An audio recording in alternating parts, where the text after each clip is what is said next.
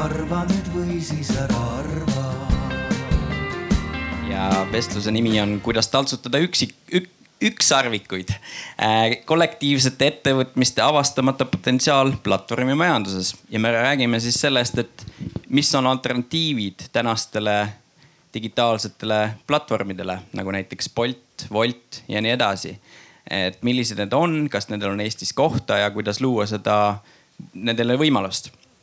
Ja mul on hea meel siin paneelis tervitada Kaire Holtsi, Riinu Lepat ja Henri Laupmaad. meiega pidi liituma ka ettevõtja Indrek Kasela kuid kahjuks ta täna siia isiklikel põhjustel ei jõudnud. me püüdsime tekitada Zoomi lingi, aga väikesed tehnilised probleemid, nii et äh, saame täna hakkama ilma Indrekuta. aga kõigepealt ma tutvustaksin tänaseid äh, paneliste alustame Kaire Holts.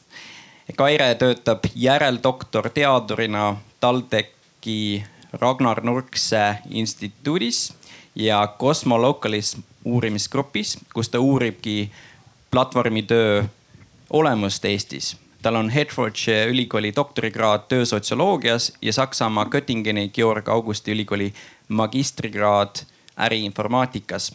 eelnevalt töötas ta teadurina Suurbritannia Hertfordshire ülikooli digitaalse jalajälje sulgudes siis inglise keeles Digital Footprint projektis, rahvusvahelise tööorganisatsiooni sekretäriaadis ja ÜRO koolitus- ja uurimisinstituudis Genfis samuti osales ta aktiivselt Euroopa teadusliku ja tehnoloogilise koostööprogrammi virtuaaltöö dünaamika meetmes. Kaire peamisteks uurimisvaldkondadeks on töö muutuv olemus, digitöö ehk äh, virtuaaltöö ning digitehnoloogiate roll tööprotsesside ümberkujunemisel. Riinu Lepa on jätkusuutliku majanduse ja ettevõtluse uurimise ja õpetamisega tegelenud juba üle kümne aasta Äh, tema huviorbiidis on peamiselt ettevõtted, mille tegevusmudel on teadlikult üles ehitatud kogukonna ja keskkonna hüvanguks. ta on ise olnud sotsiaalne ettevõtja kümme aastat, olnud sotsiaalsete ettevõtete võrgustiku asutaja, õpetanud külalislektorina ülikoolides ja koolitajana jätkusuutlikku ettevõtlust ja sotsiaalset innovatsiooni. tema taustas on ka ökokogukonna asutamine ja seal kogukondlike projektide käivitamine ja juhtimine. hetkel õpetab muuhulgas Märjamaa gümnaasiumis majandust ja ettevõtlust Pärnumaa või vabandust, Raplamaa, jah. E, ja Henri, Henrit mina tunnen väga pikki aastaid, nii et ma räägin peast sina oled olnud nii ettevõtja kui väga aktiivne ka vabatahtlikus kogukonnas äh,. olnud äh,, võtame nüüd siis ajalooliselt rahvakogu asutamise juures aidanud sellist platvormi üles ehitada nagu community tools, me muide räägime ka sellest täna, see otsapidi haakub selle tänase teemaga. olnud hooandja üks asutajatest ja aastast kaks tuhat viisteist siis Fundwise'i, mis on ka platvorm, aga rahastusplatvorm. paranda mind pärast, kuidas ma nende terminitega, aga, aga siis selle üks asutajatest. nii et väga selline laiapõlvne ja haridus on sul, nagu ma saan aru, oled ärijuhtimist kunagi õppinud ja ka graafilist disaini, nii et äh, selline kunstiline ja äripool mõlemad on ühendatud aga täna siis räägimegi sellest, et äh, platvormimajandus on pakkunud uudseid võimalusi väga paljudele inimestele, kuid samal ajal on tekkinud ka kriitilisi küsimusi töösuhte olemusest, vastutusest ja sotsiaalsetest garantiidest. et nad on ühtpidi äh, innovatsiooni edendajad kuid samal ajal me räägime sellest, et kuidas vastutustundlik äh, praktikate potentsiaal on veel ammendamata ja me küsime, et kuidas teha nii, et platvormide tegevusest saaks kasu võimalikult palju inimesi nii et see on see, mis me täna küsime ja muide ootame kõigilt arvamusi, küsimusi, me kõigepealt teeme otsa lahti, tõstke julgelt käsi, kes tahab äh, lisada, lisada või, või, või siis küsida. aga Kaire, alustame sinust, et äh, miks me siin täna oleme, mis on siis see probleem, miks on vaja alternatiivseid platvorme olemasolevatele? et äh, mina tooksin välja, et miks meil on, miks meil on vaja, et meil on vaja seepärast, et äh, meil domineerib väga see ükssarviku modell ja meil oleks vaja ka alternatiivseid mudeleid ja mõtte, mõtteviisi sinna kõrvale, kuna platvormi töö iseenesest ja see platvormi teenused on üks väga lahe asi ja ma arvan, et see jääb meiega ja see ei kao mitte kuhugi. aga kuidas teha niimoodi, et, et rohkem inimesi saaksid sellest kasu ja, ja ühiskond äh, saaks sellest kasu äh, meil on vaja ka seda selleks, äh, et äh, platvormi töötajatel oleksid paremad töötingimused. Ähm, muidugi on ka ükssarviku vormis platvorme, kes on natuke vastutustundlikumad. aga me näeme seal ka päris palju probleeme ja sotsiaalkaitse puudus ja, ja töötajad ei saa kaasa rääkida. et need alternatiivsed mudelid ikkagi ähm,, kui me vaatame näiteid mujalt maailmast seal saavad töötajad rohkem ise kaasa rääkida, nad on rohkem rahul oma töötingimustega äh,. samuti ähm, on nad kriisiolukordades ähm, vastupidavamad. et äh, ja, et ma arvan, et ma praegu piirdun nende punktidega Riinu, ma saan aru, et sina oled nagu enda jaoks kaardistanud, mis need alternatiivsed mudelid üldse on, et võib-olla need, kes ei ole kursis, muide meid jälgib ka, inimesed jälgivad läbi sotsiaalmeedia, see läheb striimi, nii et, et võib-olla siis inimesed, kes ei ole kursis, et võib-olla sa, sinu see mudel, mis sa oled endast sõnastanud, see võib-olla aitab nagu kaardistada, et millest me üldse räägime. Äh, ma jah äh, mm, no ühesõnaga, kui me räägime platvormimajandusest, siis see on äh, suhteliselt uus nähtus ja platvormimajanduses on täiesti seinast seina ettevõtteid. et kui me vaatame nii-öelda tavalist ettevõtlust, nagu ta siiani olnud on, siis me võime joonistada sellise skaala äh, nagu motivatsiooniskaala, mida äh,, mis, mis see on, mida, mis ettevõtet motiveerib tegutsema. ja ühes otsas skaalas on siis kasum. ettevõte tegutseb kasumi eesmärgil ja teises otsas on skaalal siis ühiskondlik eesmärk, mingi positiivne muutus, mida ta ühiskonnas äh, luua tahab ja, ja tegelikult äh, äh, on sellel skaalal juba olemas erinevaid ettevõtlusvorme, näiteks sotsiaalne ettevõtlus on siis sellel ühiskondlikul poolel, sest tema olemuses on ühiskondlik eesmärk ja kasum on vahend selle äh, saavutamiseks. ja teisel pool siis on näiteks vastutustundlikud ettevõtted, kes oma olemuselt on kasumi äh, taotlusega, aga siis võtavad sisse vastutustundlikkust keskkonna ja inimeste ja, ja äh, majandusliige eesmärkide eest ja seesama skaala tegelikult platvormimajanduses täpselt samamoodi toimib, et, et ettevõtted, kes platvorm platvormimajanduses tegutsevad, saab täpselt samamoodi niimoodi ära paigutada. et mis see nende peamine äh, nagu motivatsiooniallikas on ja, ja noh, samamoodi nagu nii-öelda tavaettevõtluses on ka platvormimajanduses nüüd siis needsamad diskussioonid, et, et näed, on ettevõtted, kes, kellel võib-olla see töötajate suhtes vastutustunne ei ole nii kõrge, kui võiks olla või on ootused ühiskonna poolt neile siis kõrgemad. noh, samas mina ütleks, et kuna see skaala on tõesti pikk ja lai siis, siis noh, nad ongi erinevad, et, et võib-olla rohkem panna fookust siis selle skaala selle osale, et et ühiskondliku eesmärgiga äh, platvormimajanduse ettevõtteid rohkem võiks olla, et nagu mitte pidurdada neid, kes tegutsevad, noh, kui nad lausa muidugi ebaeetiliselt tegutsevad, siis tuleks igal juhul nagu sekkuda.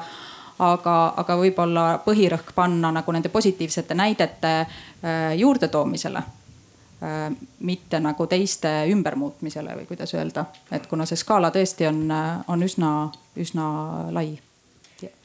enne kui me läheme Henri juurde, kas te oskate tuua mujalt maailmast, et võib-olla inimestele huvitav ka, et kes ei ole võib-olla kursis või ei ole nagu vaadanud, et, et mis need mujalt maailmast võiks nagu näiteid tuua, milliseid platvorme? kui me räägime nendest alternatiivsetest platvormidest. Kaire, sina oled vist seda tegelikult ju meil oli ette valmistada hästi tore video. meil kahjuks see... ja meil oli videos tegelikult toodud mõned konkreetsed näited, kahjuks see tehniliselt just praegu ei tööta, aga on, on mõned näited, mis teil nagu peast praegu tuleb meelde mm. -hmm. et ma mõtlen, äkki Tauri tahab võtta siin sõna, nad tutvustavad, et äh, tema suhtles Tervist. vahetult nende inimestega. Tauri esindab Tallinna Ülikooli, kes ja. on ka uurinud teemat. tervist, mina olen siis üks korraldaja siin, et et see video, mida te kahjuks ei näe, aga mis pidi olema siin, et seal oli kaks näidet, et üks neist oli äh, Arcade City, mis on selline blockchain'i põhiline äh, platvorm äh, pakkumaks siis, vahendamaks siis äh,, äh siis sõidujagajaid ja kliente. Ja mõte oli just selles, et et see vahendus oleks otse, et ei oleks mitte eh, niimoodi, et ikkagi see platvorm määrab väga palju ette hinna, kellega, kel, mis kliendi saab võtta, et see, see lahendus just otsis eh, võimalust, et tekiks nii-öelda oma oma klientuur ja, ja, ja et no ütleme, see sõidujagaja siis eh, noh, tal tekib nii-öelda oma klientuur, kellele ta, kellele ta jagab. kes teda kasutavad ja teine oli siis just nagu sellise ähm, siis nende töötajate äh, omandusega firma, Eva oli ta nimi ja töötab Kanadas ja, ja selle puhul on just see, et nii-öelda see sõnaõigus töötajatel on suurem, kuna nad on ka äh, osanikud ja nad osalevad otsustusprotsessis. ja ma arvan, et see on üks alternatiivne mudel, mille, millest me siin väga palju räägime. Äh, mis seal videos oli väga huvitav, ma arvan, me paneme selle Youtube'i ülesse ja me jagame seda. Äh, oli väga huvitav see, et noh, probleemid, mis selle organiseerimisega on, nii finants, finantseerimisprobleemid ehk siis, et kuidas leida, kuidas rahastada äh, ettevõtmist, milles äh, äh, millel ei ole sellist suurt kasumipotentsiaali. tähendab, kui muidu invest-, investorite huvi on teenida, eks ole, protsenti tagasi, siis sellel ei ole nagu see potents-, huvi, et huvi on pigem nii-öelda toimida majanduslikult, olla toimiv mudel, aga mitte ilmtingimata majanduslikult või rahaliselt kasvada üüratuks, eks ole, selles mõttes ta ei ole ükssarviku potentsiaaliga või ambitsiooniga aga, aga just nagu see, et, et see raha püsiks hästi palju koha peal, et need inimesed, kes seda töötavad, on nii-öelda, neil on sõnaõigust, nad on koha peal, et see on hästi sellise nii-öelda kohaliku ülesehitusega. samal ajal tehnilise lahendusega, mis võib olla kasutatav erinevates kohtades ütleme, et selle siis taustaks aitäh, muide küsimus teile, et äh, tõstke käsi, kes teist praegu töötab ükssarviku heaks? või siis ütleme seda idufirma, mis kasvab, mis on võtnud nagu eesmärk saada ükssarvikuks kas keegi, nii, kas keegi ehitab ükssarvikut? ise? okei okay,, seda veel ei ole. okei okay,, Henri, sinu juurde, sina oled nagu olnud, sul on huvitav kogemus, et sa oled ise ettevõte, samal ajal oled ehitanud väga palju selliseid nii-öelda mittetulundusühingu moodi platvorme, eks ju. võib-olla sa oskad tuua näiteid minevikust, mis Eestis nagu alternatiivsetest platvormidest üldse on, on, on tehtud või üritatud teha või midagi sarnast ja ma just jäin ka selle näidete juurde mõtlema, et, et tegelikult kõige võib-olla mingit pidi parem näide, mis mul ajaloost meelde tuleb, mis ei ole küll Eesti oma, aga mis ka Eestis kasutati, oli couchsurfing. mis oli siis nii-öelda Airbnb eelne selline kusseti jaga, kusseti jagamisteenus. et ühesõnaga, et sa said minna kellegi juurde ööbima kuskil mujal maailmas ja teised vastupidi said sulle sinu juurde ööbima. ja see, ja see ei olnud tasuline, ehk siis kõik oli vabatahtlik ja, ja, ja siis, siis kui Airbnb tuli, siis see hakkas nagu hääbuma aga, aga see oli päris aktiivne mingi siin äh, veel kaheksa-üheksa aastat tagasi et see on esimene, mis meelde tuleb, aga kohalikest, äh, no ühte me proovisime ise ehitada, mis oli community tools, mis oli uue maailma seltsi baasil. ja, ja noh, meie mõte oli just, et teha nii-öelda tööriistakomplekt, mis on äh, seltsile kasulik ja mida saaks siis kasutada teistes kohtades ka. et noh, mitte ainult Eestis, vaid ka mujal ja, ja me saime mingi paarkümmend kogukonda, kes seda kasutasid, aga, aga erinevatel põhjustel, sealhulgas see, et me ei leidnud korralikku rahastusmudelit sellele, see vaikselt hääbus, nii et see tarkvara on endiselt alles ja seda ka kasutatakse mõnes pool, aga me ei arenda seda juba aastaid no vaat selle rahastuseni me muide jõuame ka, sellest me räägime.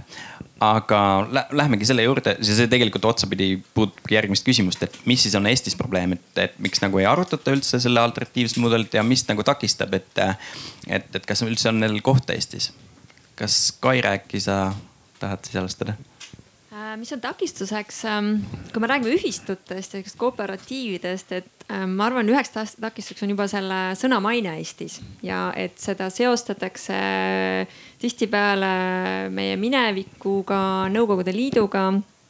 aga ma tooksin välja, et, et noh, kui vaadata veel natuke kaugemale tagasi, esimese Eesti Vabariigi ajal ähm, peale maareformi ähm, tehti põllumajandusühistud ja, ja, ja tookordne Eesti Esimese Vabariigi edulugu põhineb väga palju just sellistes, põhinebki sellel põllumajandusühistutel.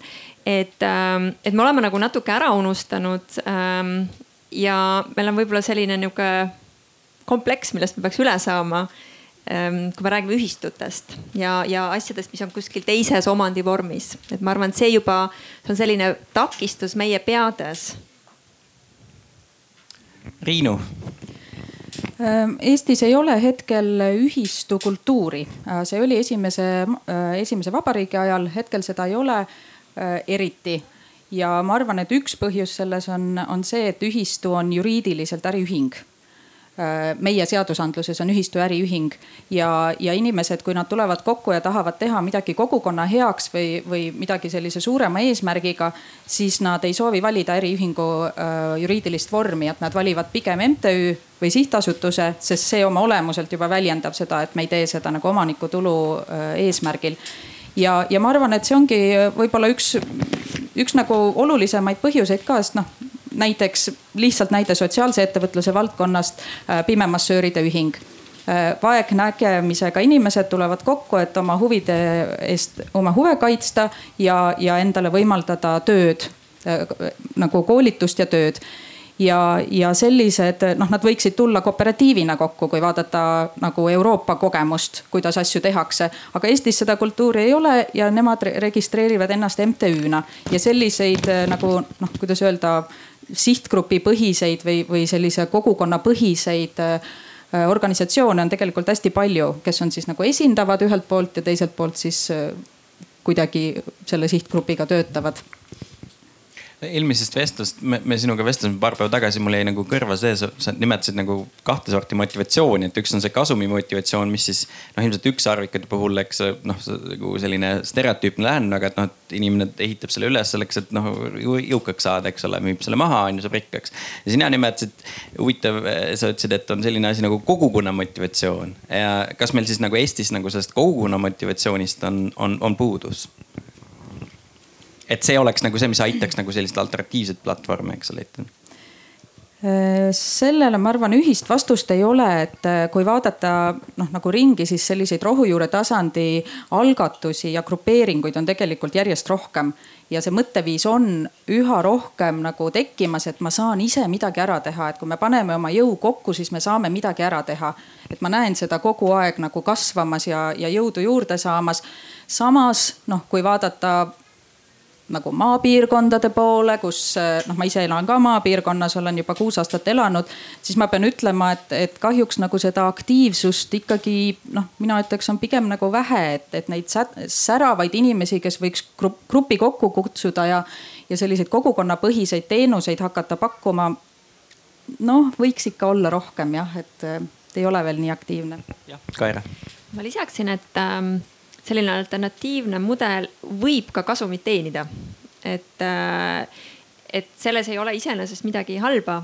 Ähm, kui me räägime alternatiivist ähm, ja, ja kasumit teenivat alternatiivist, siis ähm, ma pigem rõhutaks seda, et, et kuidas see kasum pärast on ära jaotatud äh, nende vahel, kes sinna panustasid ma täpsustan natukene, et, et kasum on ülioluline ükskõik millise organisatsiooni ja projekti jaoks selleks, et saaks üldse tegutseda ja kasvada. et see vahe ongi selles, kas kasum on keskmes eesmärk või ta on vahend äh, oma, oma eesmärgi tegemiseks. et kasumlikkus on ülioluline nendes kogukonnaprojektides samamoodi. ja ma arvan, sellistel ähm, alternatiivsetel mudelil on täpselt samamoodi tohutu suur innovatsioonipotentsiaal, mida me võib-olla ei ole veel avastanud läheme kohe nende maapiirkondade juurde, aga Henri, mis sinu arvates, no sa ühte asja mainisid juba, et, et, et üks probleem on rahastus, aga mis on veel mingeid takistusi, et miks? jah, no mingit pidi võib öelda, et, et see on ka üks põhjus, miks ma hakkasin hooandja ja Fundraising'iga tegelema, on, et seda rahastusprobleemi mingist nurgast lahendama hakata. et leiutada nagu viise, kuidas saab grupiviisiliselt rahastada mingeid projekte et no ütleme, hooandja siis väiksemate sihukeste kogukondlike või loovprojektide jaoks ja Fundwise siis suuremate ettevõtlusprojektide jaoks. noh, võib-olla näide oleks, me tegime eelmise aasta lõpus ühe päiksepargi rahastuse, kus äh, pandi kokku seal mingi sada tuhat pluss eurot ja ehitati üks päiksepark äh, Ankylla ja mis nüüd ka töötab juba et äh, ja seal ka jagati siis enamusosalus kaheksakümmend protsenti nende investorite vahel ära, kes sinna raha panid. nii et, et võib öelda, et see on ka sihuke kogukondlik ettevõte selles mõttes rääk-, jah. kui, kui tohib, et äh, enne kui me edasi lähme, ma tooks veel ühe, ühe nüansi juurde, et kui ma enne kirjeldasin sellist skaalat, mis on siis nii-öelda kasumile orienteeritud organisatsioonid ja kogukonnale orienteeritud või ühiskonnale või keskkonnale. siis tegelikult platvormimajanduses on veel üks skaala, mille mina tõmbaks siis nagu risti selle, selle teise äh, dimensiooniga. et platvormimajanduses on siis äh, need organisatsioonid, kes tõesti äh, pakuvad virtuaalset turgu inimeselt inimesele tehinguteks. ehk siis nad eh, loovad selle virtuaalse keskkonna, kus saavad toimuda otsetehingud inimeselt inimesele ilma vahendajatega, vahendajateta ja, ja sellel võib olla siis eh, selline kogukonda koondav mõju, kui inimene tõesti saab teisega kokku, nad hakkavad rääkima, tekib selline noh, lisaväärtus.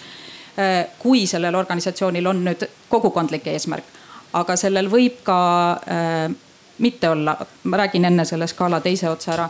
ühesõnaga inimeselt inimesele turg, aga teises otsas on tegelikult väga palju neid, kes pakuvad äh, selle platvormi kaudu lihtsalt väga hästi isikustatud teenuseid ehk siis väga detailselt läbi töötatud, väga mugavad, väga kiired isikustatud teenused, aga nad ei too platvormil inimest ja inimest kokku. no näiteks äh, seesama Bolt Bolt toob väga hea mugavusteenuse äh, takso, taksoteenuse inimeseni, aga tema platvormil ei kohtu see noh, nagu see inimene ja teine inimene omavahel, et see on ikkagi teenus. noh, neid näiteid on veel äh, et nendel tuleb ka nagu vahet teha, et, et kui me räägime kogukonna hüvanguks mõeldud äh, projektidest, siis tegelikult me räägime ikkagi platvormist, kus inimesed kohtuvad ja mitte lihtsalt ei kohtu, vaid neil tekib nagu äh, suhtlemine.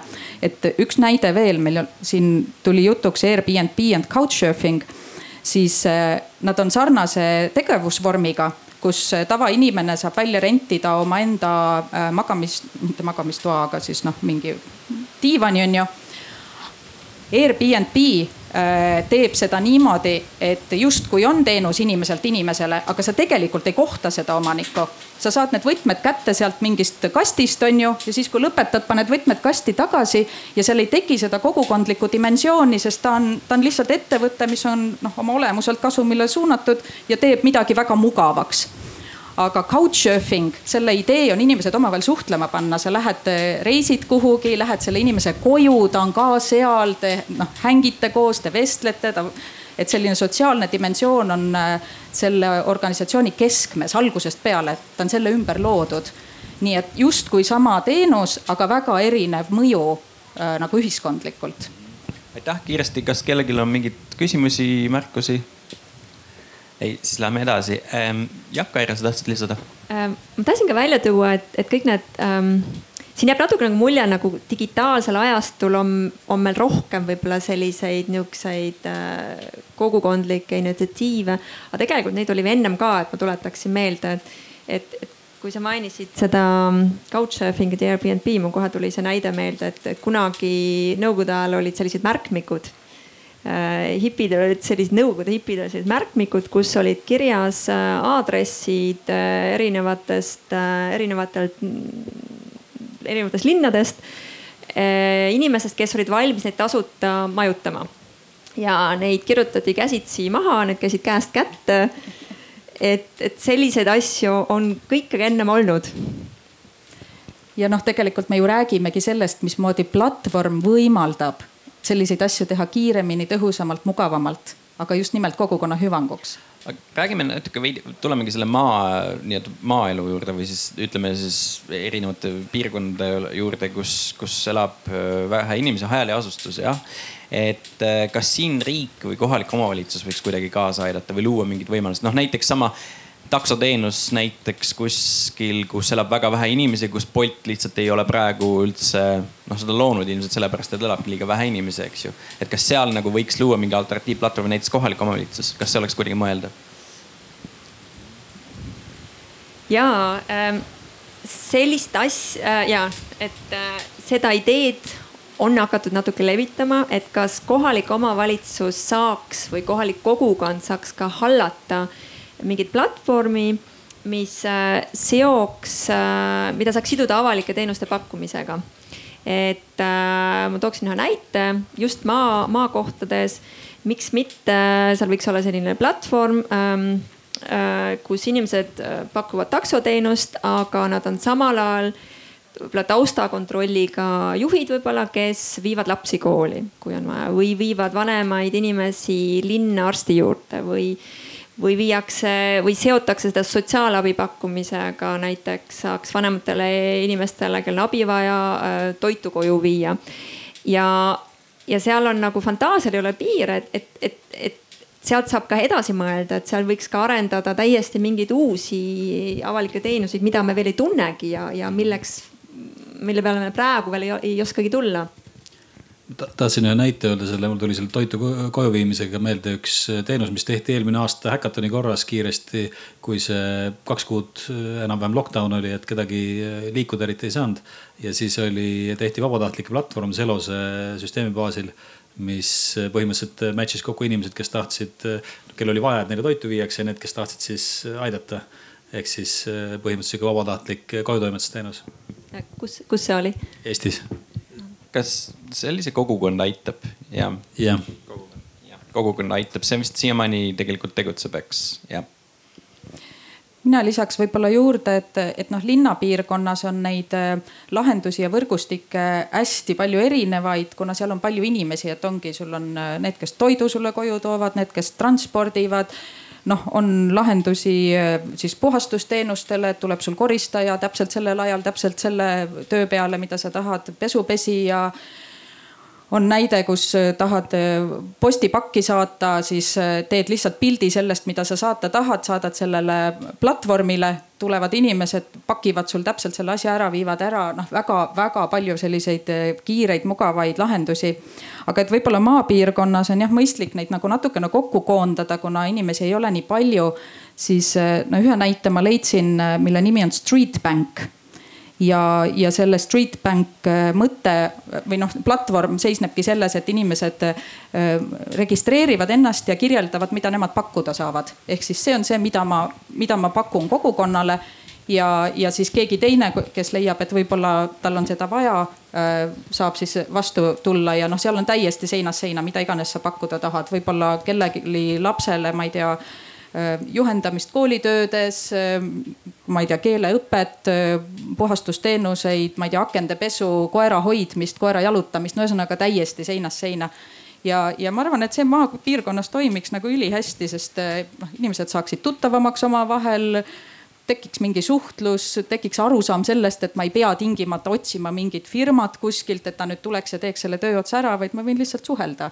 et sellest oleks tõesti kasu aga siis mul tekib küsimus, et kas mina nagu eeldan, et maa, maakohtades tegelikult inimesed tunnevad üksteist, kas meil on see kaduma läinud? Äh, et kas need võrgustikud enam ei toimi?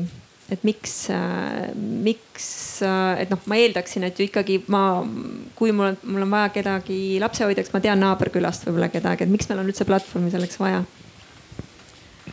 ma ei tea, võib-olla ma olen natuke liiga vähe aega elanud, kuus aastat maapiirkonnas, aga, aga ma ütleks küll, et noh, ajaga tekib juurde neid kontakte jah aga, aga sellisest platvormist oleks, oleks ikkagi abi. aga nagu sa enne mainisid, ka see on vist üsna tüüpiline hetkel, et tegelikult need, kes on linnas juba nii-öelda noh, edukad olnud, võib-olla saanud ütleme jõukamaks ka ja lähevad maale elama nad on ettevõtlikud inimesed, nemad praegu loovad ka seal jälle midagi uut. ma tean ise päris mitut inimest, noh Saaremaale näiteks läinud ja, et ilmselt see on nagu väga levinud jah aga, aga Kaire, ma tean, sinul on hingelähedane see kooperatiivsus või noh, ütleme see ühiskoguna töö, et mida ja ma saan aru, et sa oled uurinud ka, kuidas Rootsis tehakse, Saksamaal, et.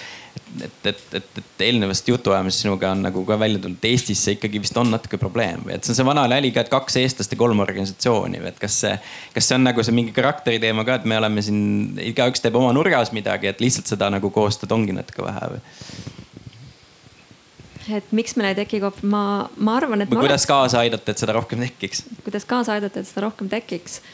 Äh, ma arvan, et meil äh, oleks vaja sellist võib-olla mm, tunnustust äh, sellistele ideedele rohkem nihukest ühiskondlikul tasandil, nihukest nagu konsensust ja, ja, ja kindlasti oleks vaja üle vaadata, nagu Riin ütles, ka need institutsioonid ja võib-olla see seadusandlus, et mis vormis neid üldse, kuidas neid äh, saaks registreerida. ja meil oleks vaja ka äh, sellist ähm, noh, üks asi on see finantsiline toetus, aga ka võib-olla sellist aktiivset tahet riigi poolt.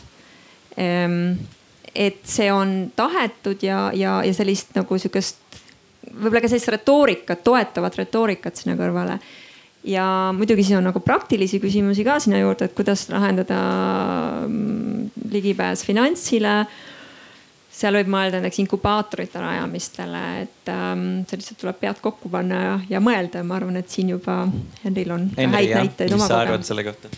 No ma arvan jah, et see üks pool on ikkagi tehniline, et selles mõttes, et see tehniline võimekus on, Eestis on küll seda suhteliselt palju, aga sama võib-olla ükssarvikud on osa probleemist selles mõttes, et, et sul on nii suur tõmme see tehniliste inimestel sinnapoole, et nad läheks Bolti või mis iganes X, ma ei tea, change'i tööle ja, ja tänu sellele neid ei jätku, kes teeks seda nagu vabatahtliku kombel mingi ühiskondliku projekti jaoks.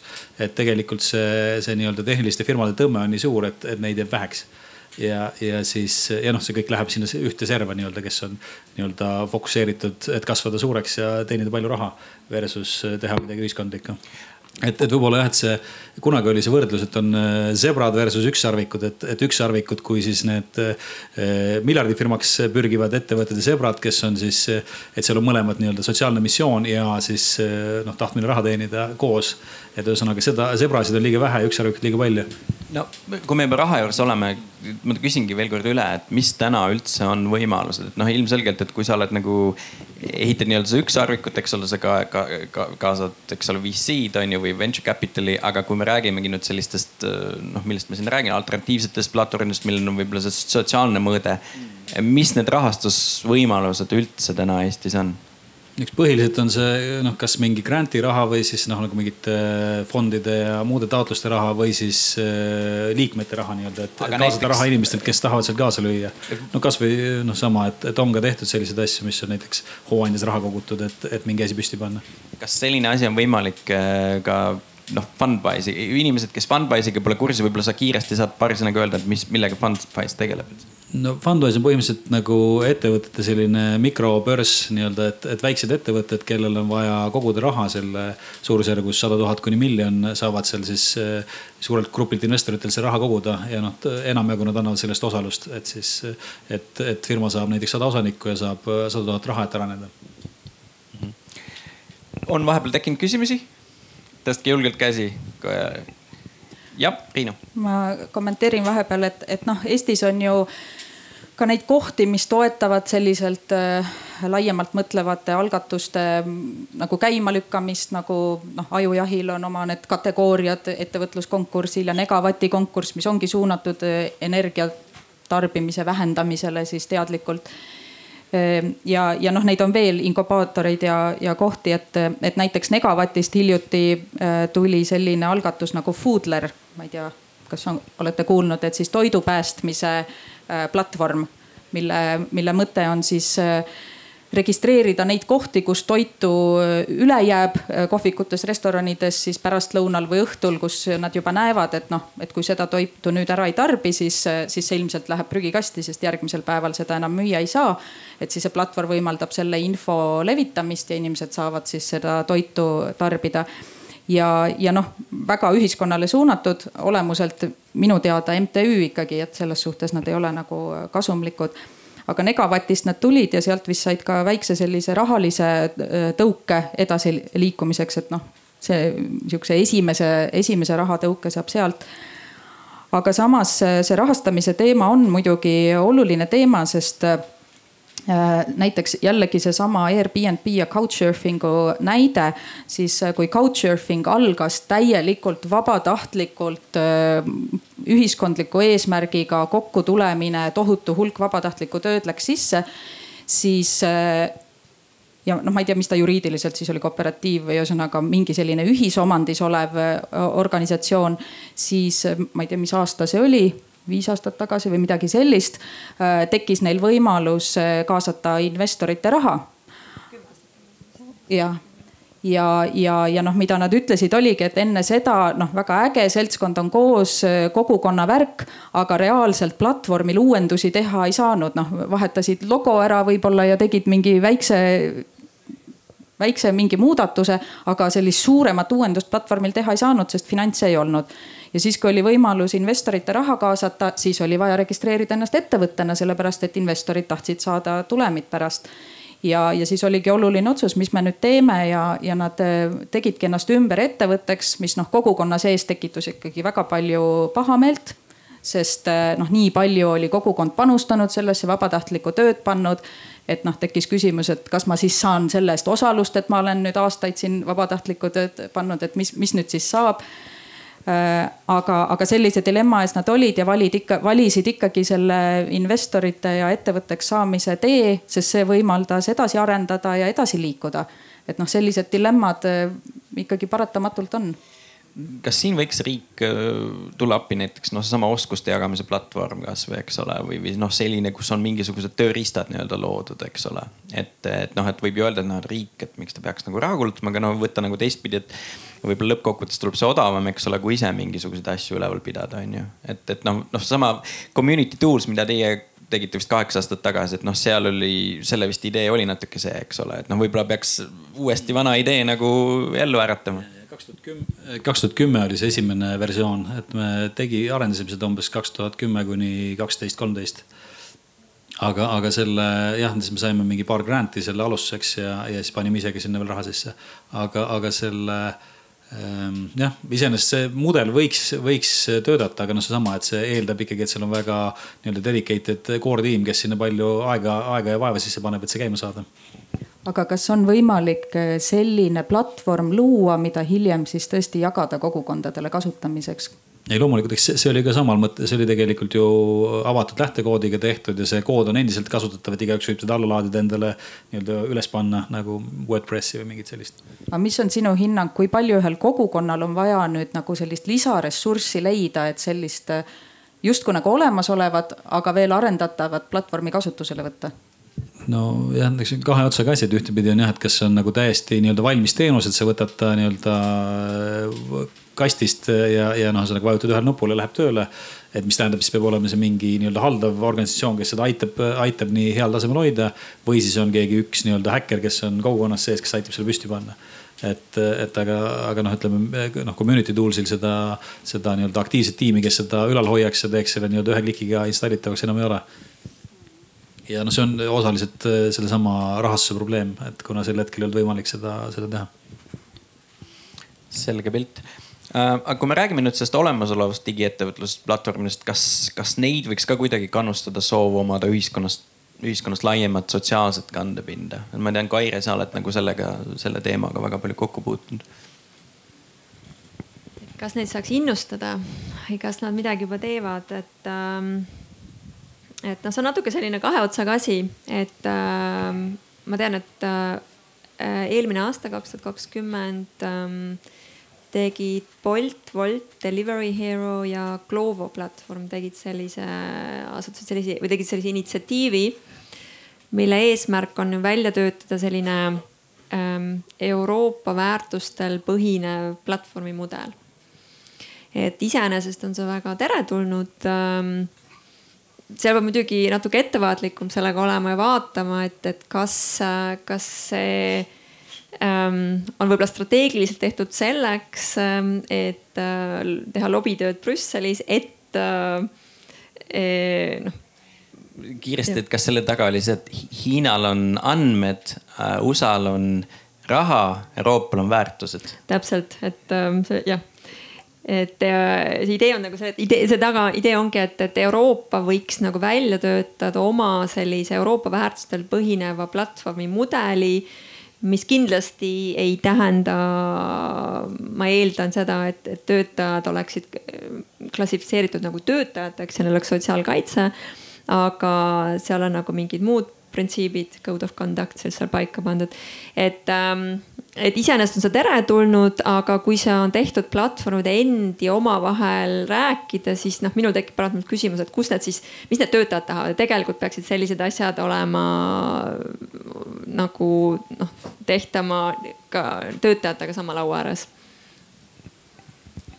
See on huvitav, platvormimajandus toob hästi palju sisse võimalusi eraisikule eh, teha tööd erinevates eh, noh nagu valdkondades noh, niimoodi nagu tunnipõhiselt, kus siis vahel ei ole enam igasuguseid sertifitseerimisi, kvalifitseerimisi, ma ei tea, noh läbirääkimisi, ametiühinguid ja kõike, et, et näiteks Skillshare on selline platvorm, kuhu põhimõtteliselt igaüks saab minna. kui sul on midagi, mida sa tunned, et sa teistele õpetada oskad, teed sellest õppevideo, laed sinna ülesse ja, ja teised inimesed maksavad selle eest, et seda sealt videost siis õppida midagi ja seda saab nii palju, kui mina nende veebilehte vaadanud olen, tõesti igaüks teha, lihtsalt kas sul siis on tellijad või ei ole. ja, ja noh, samamoodi, mis siin siis on näiteks Hello Alfred on siin üks äh, kodu puhastusteenuste pakkuja, et noh, puhastusteenindajaks võib ka põhimõtteliselt igaüks minna, et, et äh, kellegi koera jalutama minna noh, ühesõnaga neid teenuseid on nii palju, kus eraisik saab niimoodi, ma ei tea, esmaspäeval käin jalutan kellegi koera, teisipäeval lähen koristan kellegi kodu, kolmapäeval rendin oma diivani välja ja, ja neljapäeval laen oma õppevideo ülesse ja, ja ongi minu töö nii-öelda tehtud, ma ei peagi tööl käima. aga tegelikult kõikides nendes tekivad just need küsimused, et kes tagab kvaliteedi, kes tagab töötaja õigused mis nagu jäävad õhku seal vahel. et see on sihuke huvitav mm. -hmm. Kaire Äh, ma tooksin välja, et ka me ei tohi ära unustada neid teenuse kasutajaid, et, äh, et väga palju oleneb ka sellest, ähm, noh, kuivõrd mingi asi hakkab käima ja, ja saab edukaks, et see oleneb ka väga palju sellest, et, et, et mis teenuse need äh, kliendid või teenuse kasutajad siis valivad, et ma rääkisin ükskord hiljuti ühes restoraniga. Neil oli seal Bolti märk, Wolti märk ja Telli toit on vist see selline alternatiivne mm, platvorm, mille tegid restoranid äh, ise ja, ja noh, ma küsisin, et kust siis nagu kõige rohkem tellimusi tuleb äh,. kõige rohkem tuleb ikkagi Boltist, sest kliendid ikkagi valivad Bolti. Nad teavad seda, neil on see mugav, see on odav. tellitoidust näiteks äh, tuleb nädalas korra äh, tellimus, et me peame ka võib-olla natukene kasvatama neid äh, teenuse, noh neid, kes teenuseid kasutavad, et, et, et, et sellest, see on nagu niisugune ka väga tähtis osapool seal. ja no ei tasu, ei tasu unustada, et nendel äh, Boltidel ja Woltidel on nagu äh, ikkagi hästi suur rahakott selle jaoks, et seda sulle iga päev nina ette hõõruda, et nad on olemas. et, et seda, sellega on suhteliselt raske võistelda aga kui korra haaran sellest sõnasabast kinni, et kasvatada, kuidas siis, mismoodi, lihtsalt mingi teadlikkus või mismoodi? Ma ei tea, ma mõtlen ise, et kui mul oleks valida, kas ma sõidan Boltiga bussijaama või mul on äh, mõni äpp, kus ma tean, et äh, töötajatel, töötavad, töötajatel jääb rohkem raha kätte mm,. kui ma olen sellest teadlik, ma arvan, ma ise valiksin selle teise alternatiivse variandi. et ähm, hea küsimus okei okay., Henri, kas sa tahtsid lisada midagi kuidagi eh, selle kohta, et, ehm, et kas olemasolevat digiettevõtlust võiks kannustada ühis, mingi ühiskonnas siis laiemat sellist sotsiaalset kandepinda oma, oma, omama? no, no seda, seda võiks alati teha, aga selles mõttes, et mis ma tahtsin öelda, on lihtsalt, et see tegelikult see võistlus on ikkagi nii-öelda tähelepanu pärast on äärmiselt tihe ja seda ei tasu alahinnata, et see on ikkagi väga keeruline mingit asja nagu laialt kasutusse saada noh, kui sa tahad võistelda nende samade olemasolevate tegijatega, noh, mis iganes eh, Facebooki või, või, või mõne muu platvormi pakkujaga nii-öelda. et, et selle noh, see nii-öelda lähtepositsioon on väga noh, erinev ja, ja, ja mingit asja nullist üles ehitada on ikkagi suhteliselt raske. et enamus alahindavad seda nagu keerukust, et mingit eh, nii-öelda platvormi käima saada üks oluline vahe on ilmselt ka see, et kui me räägime nendest ükssarvikutest või noh, startup idest, nende turg on ju esimesest päevast peale maailm, mitte Eesti, sest Eesti turg on väike. kui me räägime nendest alternatiivplatvormidest, siis noh, muidugi seal on ka võimalik, et eks ole, võtta kohe see globaalne eesmärk, aga ilmselt osa on sellised, mis kus ei ole see võimalik, eks ju. noh, kui me räägime näiteks seal ongi see kohaliku omavalitsuse tasandil mingitest väikestest äh, teenustest seal ilmselt ei ole lihtsalt see võimalik, eks ju. noh, siis ongi küsimus, et kas seda platvormi saab lihtsalt kasutada erinevates kogukondades lokaalselt, et ta ei peagi olema nagu ülemaailmne, aga et lokaalselt kasutatav et see võibki ja. olla ju selline üks tehniline lahendus äh, välja töötatud kohaliku omavalitsuse äh, vajaduste järgi ja, ja, ja seda võib ju kopeerida, see, seda ei pea ju uuesti leiutama, uuesti tehniliselt tegema ehm,. seda jah, võib ju käest kätte jagada tema kogemust. võib-olla tehnilise poole pealt olekski mõistlik tekitada nii-öelda üks äh, standard, hästi töötav platvormi mudel, mis ma ei tea, mis iganes ühiskondlikult või riiklikult rahastatuna valmis töötatakse, et kõik, kes tahavad seda kasutada, saavad selle noh, nagu Wordpressi või mingi asja aluseks võtta ja seda siis kohaldada oma selle rakenduse jaoks. Et et on üks nii-öelda töötav korralik äpp, mida kõik saavad enda asja jaoks kasutada no üks huvitav eh, algatus, mida on nüüd paar aastat teinud väga noor ettevõtja Maria Rahamägi on edumus.org, ma ei tea, kas olete kuulnud Edumusest keegi? edumus eh, vahendab õpetajad ehk siis või õigemini siis, et oma ala professionaalid, kes võiksid siis olla ka koolis. ma ei mäleta, kas oli neli päeva kuus vist või, olla õpetajad et selline nagu platvorm ja see algas ju Eesti põhiselt, aga juba on minemas ka muudesse riikidesse, ma tean, et Ukrainasse vist ja, ja veel ühte riiki. nii et äh, noh, selline huvitav näide ja sellel ilmselgelt on sellel sotsiaalne mõõde. aga mitte ainult, on mõeldud ka ikkagi selle peale, et kuidas, mis on see rahamudel, eks ole ja neid sotsiaalseid mõõteid, mõõtmeid äh, on veel näiteid, et ei, ei pea tingimata olema kogukonnapõhine, et olla ühiskondil, ühiskonnale ja keskkonnale kasulik, et, et sealtsamast Negavatist äh, minu arust on tulnud välja materjalivoog.ee üks Eesti siis ettevõtmine, kus noh, nad ei ole küll veel päris käima läinud, nad alles alustavad, ma saan aru, aga, aga noh, keskkonna mõttes väga hea ja mõistlik asi, et on platvorm, kus siis tootmisettevõtted saavad registreerida oma tootmisjäägid ja, ja kes iganes siis saab vaadata, et mida, milliseid tootmisjääke saadaval on ja odava hinnaga neid siis taaskasutada, et Äh, või siis annot.ee, mis on ka minu arust Megavatist pärit, äh, on samamoodi tootmisjääkide registreerimiseks, aga ma saan aru, et rohkem suunatud disaineritele, nii palju, kui ma neid veebilehti lugesin, et. et noh, sellised äh, näited on ju väga-väga kasulikud ja samamoodi noh, kui on keskkonnale kasulik, on ka kogukonnale kasulik, et ja, ja Henri, tahtsid lisada? ma tahtsin öelda, et tegelikult üks huvitav nii-öelda rakendus, millest vähe räägitakse, aga millest võiks ka rääkida, on tegelikult raha ise. et raha ise on samamoodi teenus, et, et igasuguseid alternatiivraha platvorme on tegelikult ka olemas.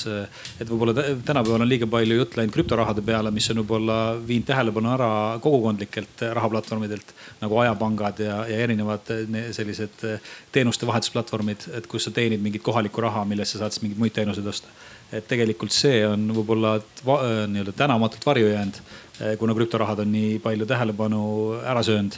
et, eh, et üks hea film oli just ETV-s jooksis ka see, see tõenäoliselt seal Jupiteris üleval.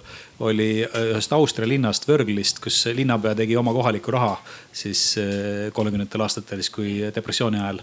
ja kuidas nii-öelda Wörgli ime toimus, et ühesõnaga, kuidas kogu asi läks neil käima tänu sellele, et nad tegid kohalikku raha minu üks äh, vaieldamatult lemmikprojekte, noh, mis võiks olla platvormi majanduses, aga, aga tol ajal vist ei olnud veel neid võimalusi nii palju, on Õnnepank. et Õnnepank on nüüdseks kahjuks äh, lõpetanud, aga, aga see oli siis äh, veebileht, noh tol ajal ikkagi lihtsalt veebileht, kus registreeriti, sai registreerida jällegi selle, mida sina pakkuda saad. ja ja need abivajajad siis viidi kokku, aga mitte lihtsalt selleks, et ma nüüd teen heateo kellelegi, vaid selles reaalselt krediiti. et ma saan krediiti selle eest, et ma kedagi aitan ja ma saan seda krediiti kasutada, et saada midagi, mida minul vaja on. et minu arust see on täiesti ideaalne noh, võimalus kogukondadel. noh, see ei ole nagu otseselt raha, aga ta on raha, et ta on nagu vahetusvahend mida, mida läbi heategude saab kogukonnas kasvatada. no see ongi põhimõtteliselt ajapank, aga, aga selles mõttes jah, seal oli see ühik oli tänutäht, aga, aga see, see kahjuks ei ole tänaseks alles, aga seda tüüpi süsteeme on päris palju maailmas. aga kahju, et see nagu jah. aga kas meil Eestis ei olnud mingi, meil no, ei ole mingeid näiteid äkki Eestis sellistest asjadest, mis neist saanud on? no Õnnepank oli, aga nüüd paar aastat tagasi vist lõpetasid tegevuse. ja sa mainisid eelnevalt, Toitla oli vist ka selline platvorm, mida vist enam ei ole, kus oli, oli kodukokkade vahendus ja, ja. ja.. aga lõppkokkuvõttes, kas ei taandu, ma provotseerin natuke, aga kas see ikkagi ei taandu selleni, et äh, et selliste asjade jaoks ongi, ongi, ongi ikkagi raha vähe ja siis raha on, see, see, see tegelikult lõpeks, ikkagi lõpetab ära selle asja. ühesõnaga järjepidevust ei saavuta sellepärast, et raha ei ole. aga samal ajal, kui esitad seda ükssarvikut, siis on sul lootus, et noh, et sa müüd selle maha ja ongi ükssarvik, eks ole, et noh, et. väga lihtsustatud, aga provotseeriv küsimus, aga et, et, et, et, et, et sa ei saa nagu noh, et, et ühest küljest nagu on vajadus, on ju. ja ongi, on inimesed, kes, kel ma ise olen ka väga kodanikuaktivismis siin kuus-seitse aastat tegutsenud, et. et sa teedki seda missioonitundest, eks ole, sa ei tee raha pärast, onju. aga tõsi on see, et noh, kui sul ei ole noh, lõppkokkuvõttes võhm läheb välja, rahaga on ka, ka pidevalt probleeme, eks ju, noh, ega see ongi keeruline jah, ja selle, tahtsin tegelikult ühe selle alternatiivraha näite veel tuua, tegelikult siinsamas Paides toimus selline ühik nagu Paide Pai. mäletan, mida Vaba, Vaba linn välja andis, et ma ei tea, kas see veel alles on, aga see oli päris tore eksperiment. aga siis, eh, mis puutub ükssarvikutesse, siis ega nende tegemine nüüd ka nii lihtne ei ole, et eks enamus nendest ei õnnestu, et. ka, ka tõsi tegelikult ja mis see statistika on tegelikult, eks ole, kui palju fail'ib. võib-olla üks sajast. ja nii, et noh, see on ka tõsi muidugi loomulikult ja Tauri. Ma tahtsin korra sekkuda ka ei ähm, vaat siin see raha küsimus on, eks ole, kogu aeg ikkagi üleval, et eks me lava ka, kus me oleme, eks ole, raha räägib. et äh, küll küsimärgiga. aga ma tahtsin tegelikult äh, või no ma arvan, et see üks oluline dimensioon oli siin see, et, et tarbija ja tema valikud. ehk siis, kui tarbija ütleb, et vaat ma ei taha seda, seda ja selle ettevõtte teenust kasutada, kes ei kohtle oma töötajaid hästi näiteks või, või ei kohtlegi neid töötajatena, eks ole et, et siis ta võib-olla noh, selles ettevõte saab niivõrd negatiivse on ju tulemi, et või, või, või kui on olemas alternatiiv, siis kasutatakse seda ja nii edasi ja nii edasi ja nii edasi, eks ole. seda me Eestis muidugi noh, hetkel pigem ei näe, vähemalt mitte selles sektoris, mis puudutab äh, siin platvormi äh, majanduse pakkujaid, et äh, ma arvan, et see on üks koht, kus see muudatus tuleb. teine asi, mis ma jäin mõtlema, on see, et et tegelikult see on küsimus nagu Henrile, et, et mis on see põhjus, miks inimesed läbi Fundwise'i äh, investeerivad, et miks nad sinna raha panevad, et kas nende eesmärk on see, et ma teenin äh, aastas kümme protsenti või ma teenin oma investeeringust, ma ei tea, kolm korda, et siin hiljaaegu oli Berkman, kes läks turule, noh, kes olid äh, õigel ajal said neljakordse raha tagasi, eks ole, võib-olla tulevikus saavad veel rohkem. et noh, et selles mõttes, et on ilmselge investeeringu potentsiaal on see, et ma saan noh jõukaks, on ju et kas need, kes tulevad Fundwise'i, teevad seda ka muudel põhjustel, sellepärast et mulle see miski meeldib, lihtsalt ma kasutan seda, ma arvan, et, et see asi võikski olemas olla, et ja, ja kas selline nagu ütleme, initsiatiiv investeerimisel võiks olla miski, mis ei ole ka ainult selline niši nagu siuksed äh, fanaatikud, vaid, vaid midagi, mis on selline noh, laiapõhjaline, ühiskonnas valdav, domineeriv, et mm,. nojah, sellele on lühidalt raske vastata, aga üldiselt võib öelda, et seal on äh, et nii-öelda see investorite diapasoon on nagu kahes servas, et ühes otsas on võib-olla tõesti siuksed fänninvestorid, kes investeerivad sellepärast, et neile asi meeldib. nad lihtsalt tahavad, et see edasi kestaks või areneks ja nad tahavad kuidagi ise sees olla, nii-öelda klubi liikmed olla. ja teises otsas on siis ütleme finantsinvestorid, kes mõtlevad, vaatavad äh, rahanumbrite projektsioone ja mõtlevad, kui suureks see võib kasvada ja kas on mõttekas. või kui tõenäoline see, et see õnnestub. et ja noh, siis vastavalt ka enamjagu on, et need, kes on rohkem fänninvestorid, panevad väiksemaid summasid ja need, kes on finantsinvestorid, panevad suuremaid summasid. no see on võib-olla ühes otsas on, kes paneb äh, viissada ja teine teises otsas on, kes paneb kakskümmend tuhat, eks. et, et selles mõttes, et, et enamustel projektidel on mõlemaid. nii ja küsimus seal, toome sulle mikrofoni ka. aitäh ähm,, mul oli selline küsimus, et need kogukonnapõhised lahendused, need platvormid, mis te rääkisite, olid väga nagu potentsiaali, ma kujutan ette, on meeletult neis. aga kui ma mõtlen ähm, maakohtade peale ja nende sellise keskmise vanuse peale siis ma noh, seda, et sul kuuskümmend, seitsekümmend pluss inimesed hakkavad sulle äppi alla laadima ja sealt mingisuguseid teenuseid tarbima, ma lihtsalt, ma nagu, mul on väga raske ette kujutada, et milliseid lahendusi teie sellele näete võib-olla. Kes soovib äh, vastata, kuigi ei tasu alahinnata, on seitsmekümne viie, kaheksakümne aastased, kes kasutavad äh, digi, digiteenused ja kui me mõtleme nagu noh, aeg läheb edasi, et ütleme, see põlvkond, kes hakkas neid kasutama, ma ei tea, kümme-viisteist aastat tagasi, nemad saavad ka üks, ühel hetkel kuuekümne, seitsmekümne aastaseks on ju, et noh, niipidi on ju mõelda, aga okei okay jah, ma arvan, et see iseenesest eh, nii suur probleem ei ole, et, et selles mõttes, et mul tuleb meelde Kristjan, kelle vanaisa sai just üheksakümne üheksa aastaseks ja kes aitas tal konfide ühtede male, maleäppis, ta käis võrgus malet mängimas. aga, aga ühesõnaga, et, et, et küll, küll see saab lahendatud ja noh, sa saad ka suure ekraani või suure arvuti peal kasutada, et enam nagu ei ole sul vaja selleks telefoni aga, aga jah, pigem on, ma arvan, see võistlus erinevate nagu, et kui palju sa üldse nähtavaks saad ja kui palju sa jõuad üldse nende inimesteni, on see põhi, põhiprobleem. Ja noh, teenused või selline abi pakkumine on ju kõikide vanusegruppide jaoks ja erinevates valdkondades ja tegevustes, et, et selle vanainimese jaoks võib siis olla keegi pereliige, kes aitab temani ka jõuda sellel abil, et ma arvan ka, et see ei ole nagu liiga suur probleem et ma ka nagu ei näe seda probleemi nagu just vaadata koroona ajal, kui palju inimesi, peresid tegelikult läks maale. et äh, meil ei ole ainult vanemad inimesed maal. Äh, meil on ka ajutiselt palju linnainimesi seal ja, ja suvel käivad paljud inimesed maal. ja ma kujutan ette, et, et, et suvel äh, tõuseks ka vajadus selliste teenuste järgi. ma kujutan ette, kui keegi läheb kuskile maakohta, kus eh, ei ole toidupoodi järgmise kahekümne kilomeetri kaugusel, et. et need olekski võib-olla need inimesed, kes, kes ka telliks võib-olla toitu koju ja kes kasutaks selliseid teenuseid. Eh, mis siis, kui, kui ka ajutiselt võib-olla aastas. ka on küsimusi veel kellelgi? seal, jah aa, okei okay,, selge, aga siis hakkame vaikselt otsi kokku tõmbama, et ma, mul on selline traditsiooniline tulevikku vaatav küsimus, et kuidas te ette kujutate platvormimajandust Eestis viie kuni kümne aasta pärast? Või mis on teie nagu ütleme siis soov, et milline ta võiks olla äkki? kes soovib siin alustada? mõtte, mõttepaus jah.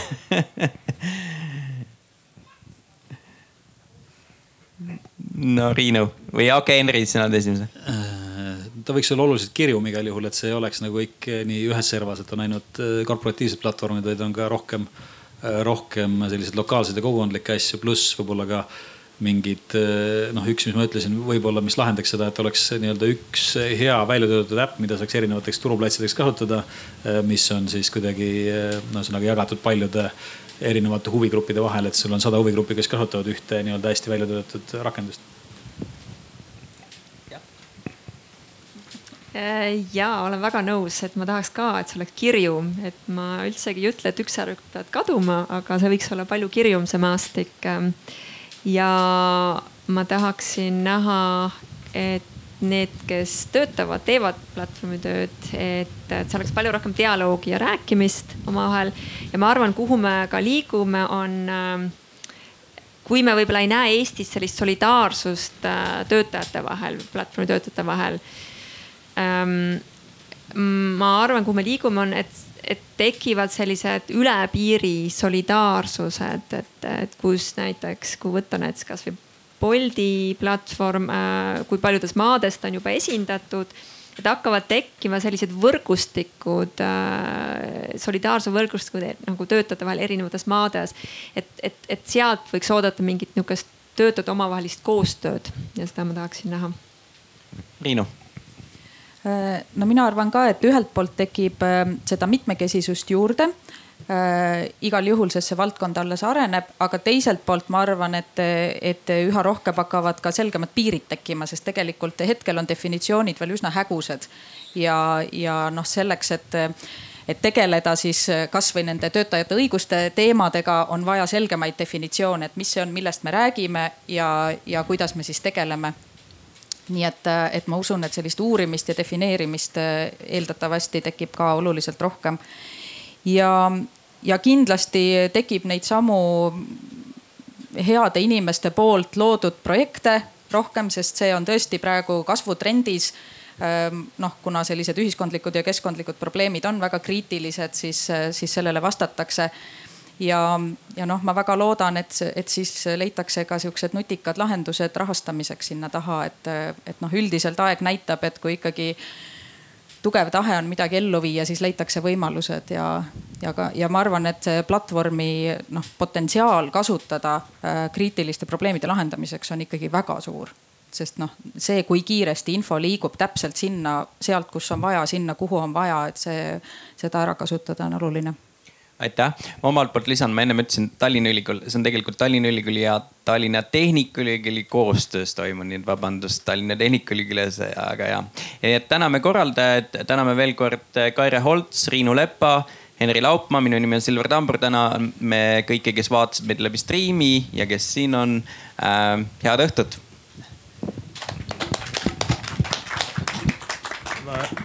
ma ei tea, kas see stream või kõik on nüüd juba kinni pandud, aga, aga igal juhul ma tahtsin öelda ka, et siis Tallinna Ülikooli poolse korraldajana, et kõigepealt, eks ole, tänud teile siin osalemast, aga et meil on töörühm, mis on siis linnad, töö ja digitaalsed platvormid, et mis siis äh, pühendub just selliste platvormimajanduse võrgustumisele ja ütleme sellise uurimise võrgustumisele, ka huvigruppide kokkutoomisele.